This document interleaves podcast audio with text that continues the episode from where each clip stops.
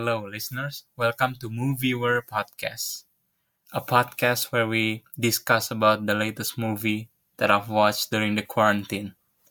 I'm going to discuss about a particular film that I've watched a few months ago. It is titled The Lobster. It came out uh, in 2015. It was directed by Yorgos Lanthimos. It stars Colin Farrell, Rachel Weisz, Léa Seydoux, and John C. Reilly. Now, uh, you might be wondering, what is this film about? Is it about chef? Is it about, you know, lobster in general? Uh, not really.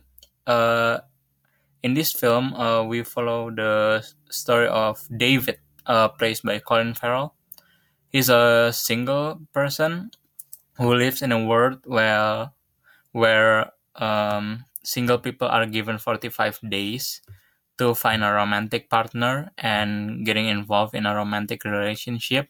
Otherwise, uh, they'll be turned into an animal of their own choice. Uh, and in this film, uh, David chose to be a lobster, which is an inter- an interesting choice. I really like this film because uh, the plot alone uh, sells me. You know, you never find a film with that absurd kind of plot.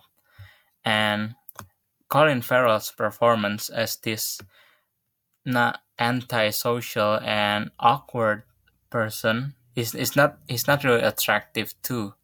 It's just awkward with people in general. I think it's really good because you see his journey through through this film when we first met him he was this you know lone a lonely and awkward guy and then as the film went on he turned into this he still he still is a bit awkward but uh, he's quite passionate uh, when he met his loved one uh, during the film and I really like uh, Seydoux' uh, performance too uh, as a loner leader.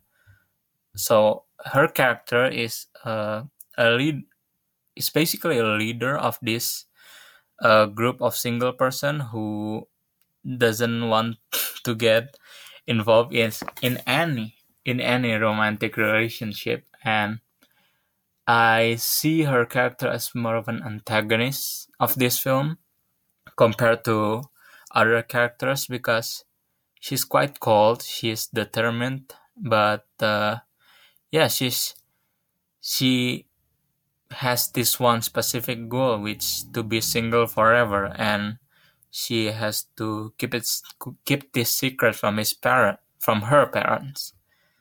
And I really, I really like her. I I find her performance here quite intimidating, and it it really it's really like a a challenge for David to to you know somehow com- communicate and conquer this character. It's an it's an insane film, I tell you. And I really like the uh, the concept itself. Uh, it the it delves deeper into you know romantic relationship. Uh, do we really love you know other people for what they are uh, because in this film uh, romantic relationship is mandatory. Is it's not something that you know uh, you'll feel over time when you met someone. No uh, it's more of a mandatory thing. You know you're given 45 days and if you don't fall in love with someone or you're not in relationship with someone you're basically an animal at, at that point. And i think it's it's a really great concept. Uh, uh, you know, showing that single people is basically the same as animals, and then there there's this scene where uh, the the people in the institution uh, when we got introduced uh, earlier in the film you know they hunt for single people who escaped uh, the institution using this tranquilizer gun rifles and i think that's yeah that's quite absurd um and then do i have I do have some nitpicks in this film. Uh, I think there are some scenes that can be cut out and then can be shortened because uh, the run the run time of this film is what is it? It's almost two hours, and I think it's basically can be reduced to a one hour thirty minutes film. I think, and but but I think overall uh, it's a great film and oh and I'm not really I don't I don't know it if it counts as a negative or not but I don't I'm not really used to you know narration especially especially in this film because this film uh you know relies uh so much on nar- narration uh, by provided by Rachel Weisz, who also played the Colin Farrell's love interest.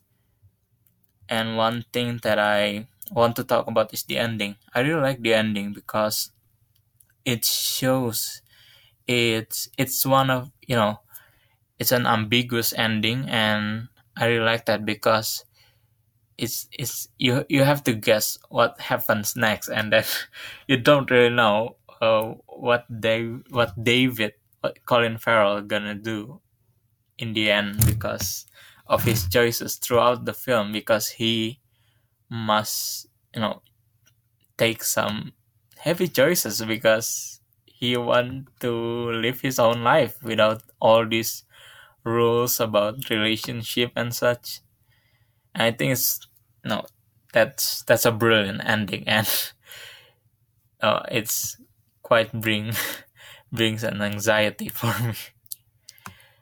Uh, I will give this film an 8.5 out of 10 because I overall I really enjoy this film. I really like the uh, the story, the characters, the performances, uh, and then the the background too. I really like the uh, institution, the time where Colin Farrell spent his time in at the institution in the beginning of the film, and then when he goes into the woods, and then he went to the city to disguise himself as a someone who's already married. I really like that. And then and these films I heard has has won some awards or nominated at least because it's an A24 films of course. It's gonna be nominated for something. I, I like the story. The story is incredible. That's that's one aspect that makes me watch this film.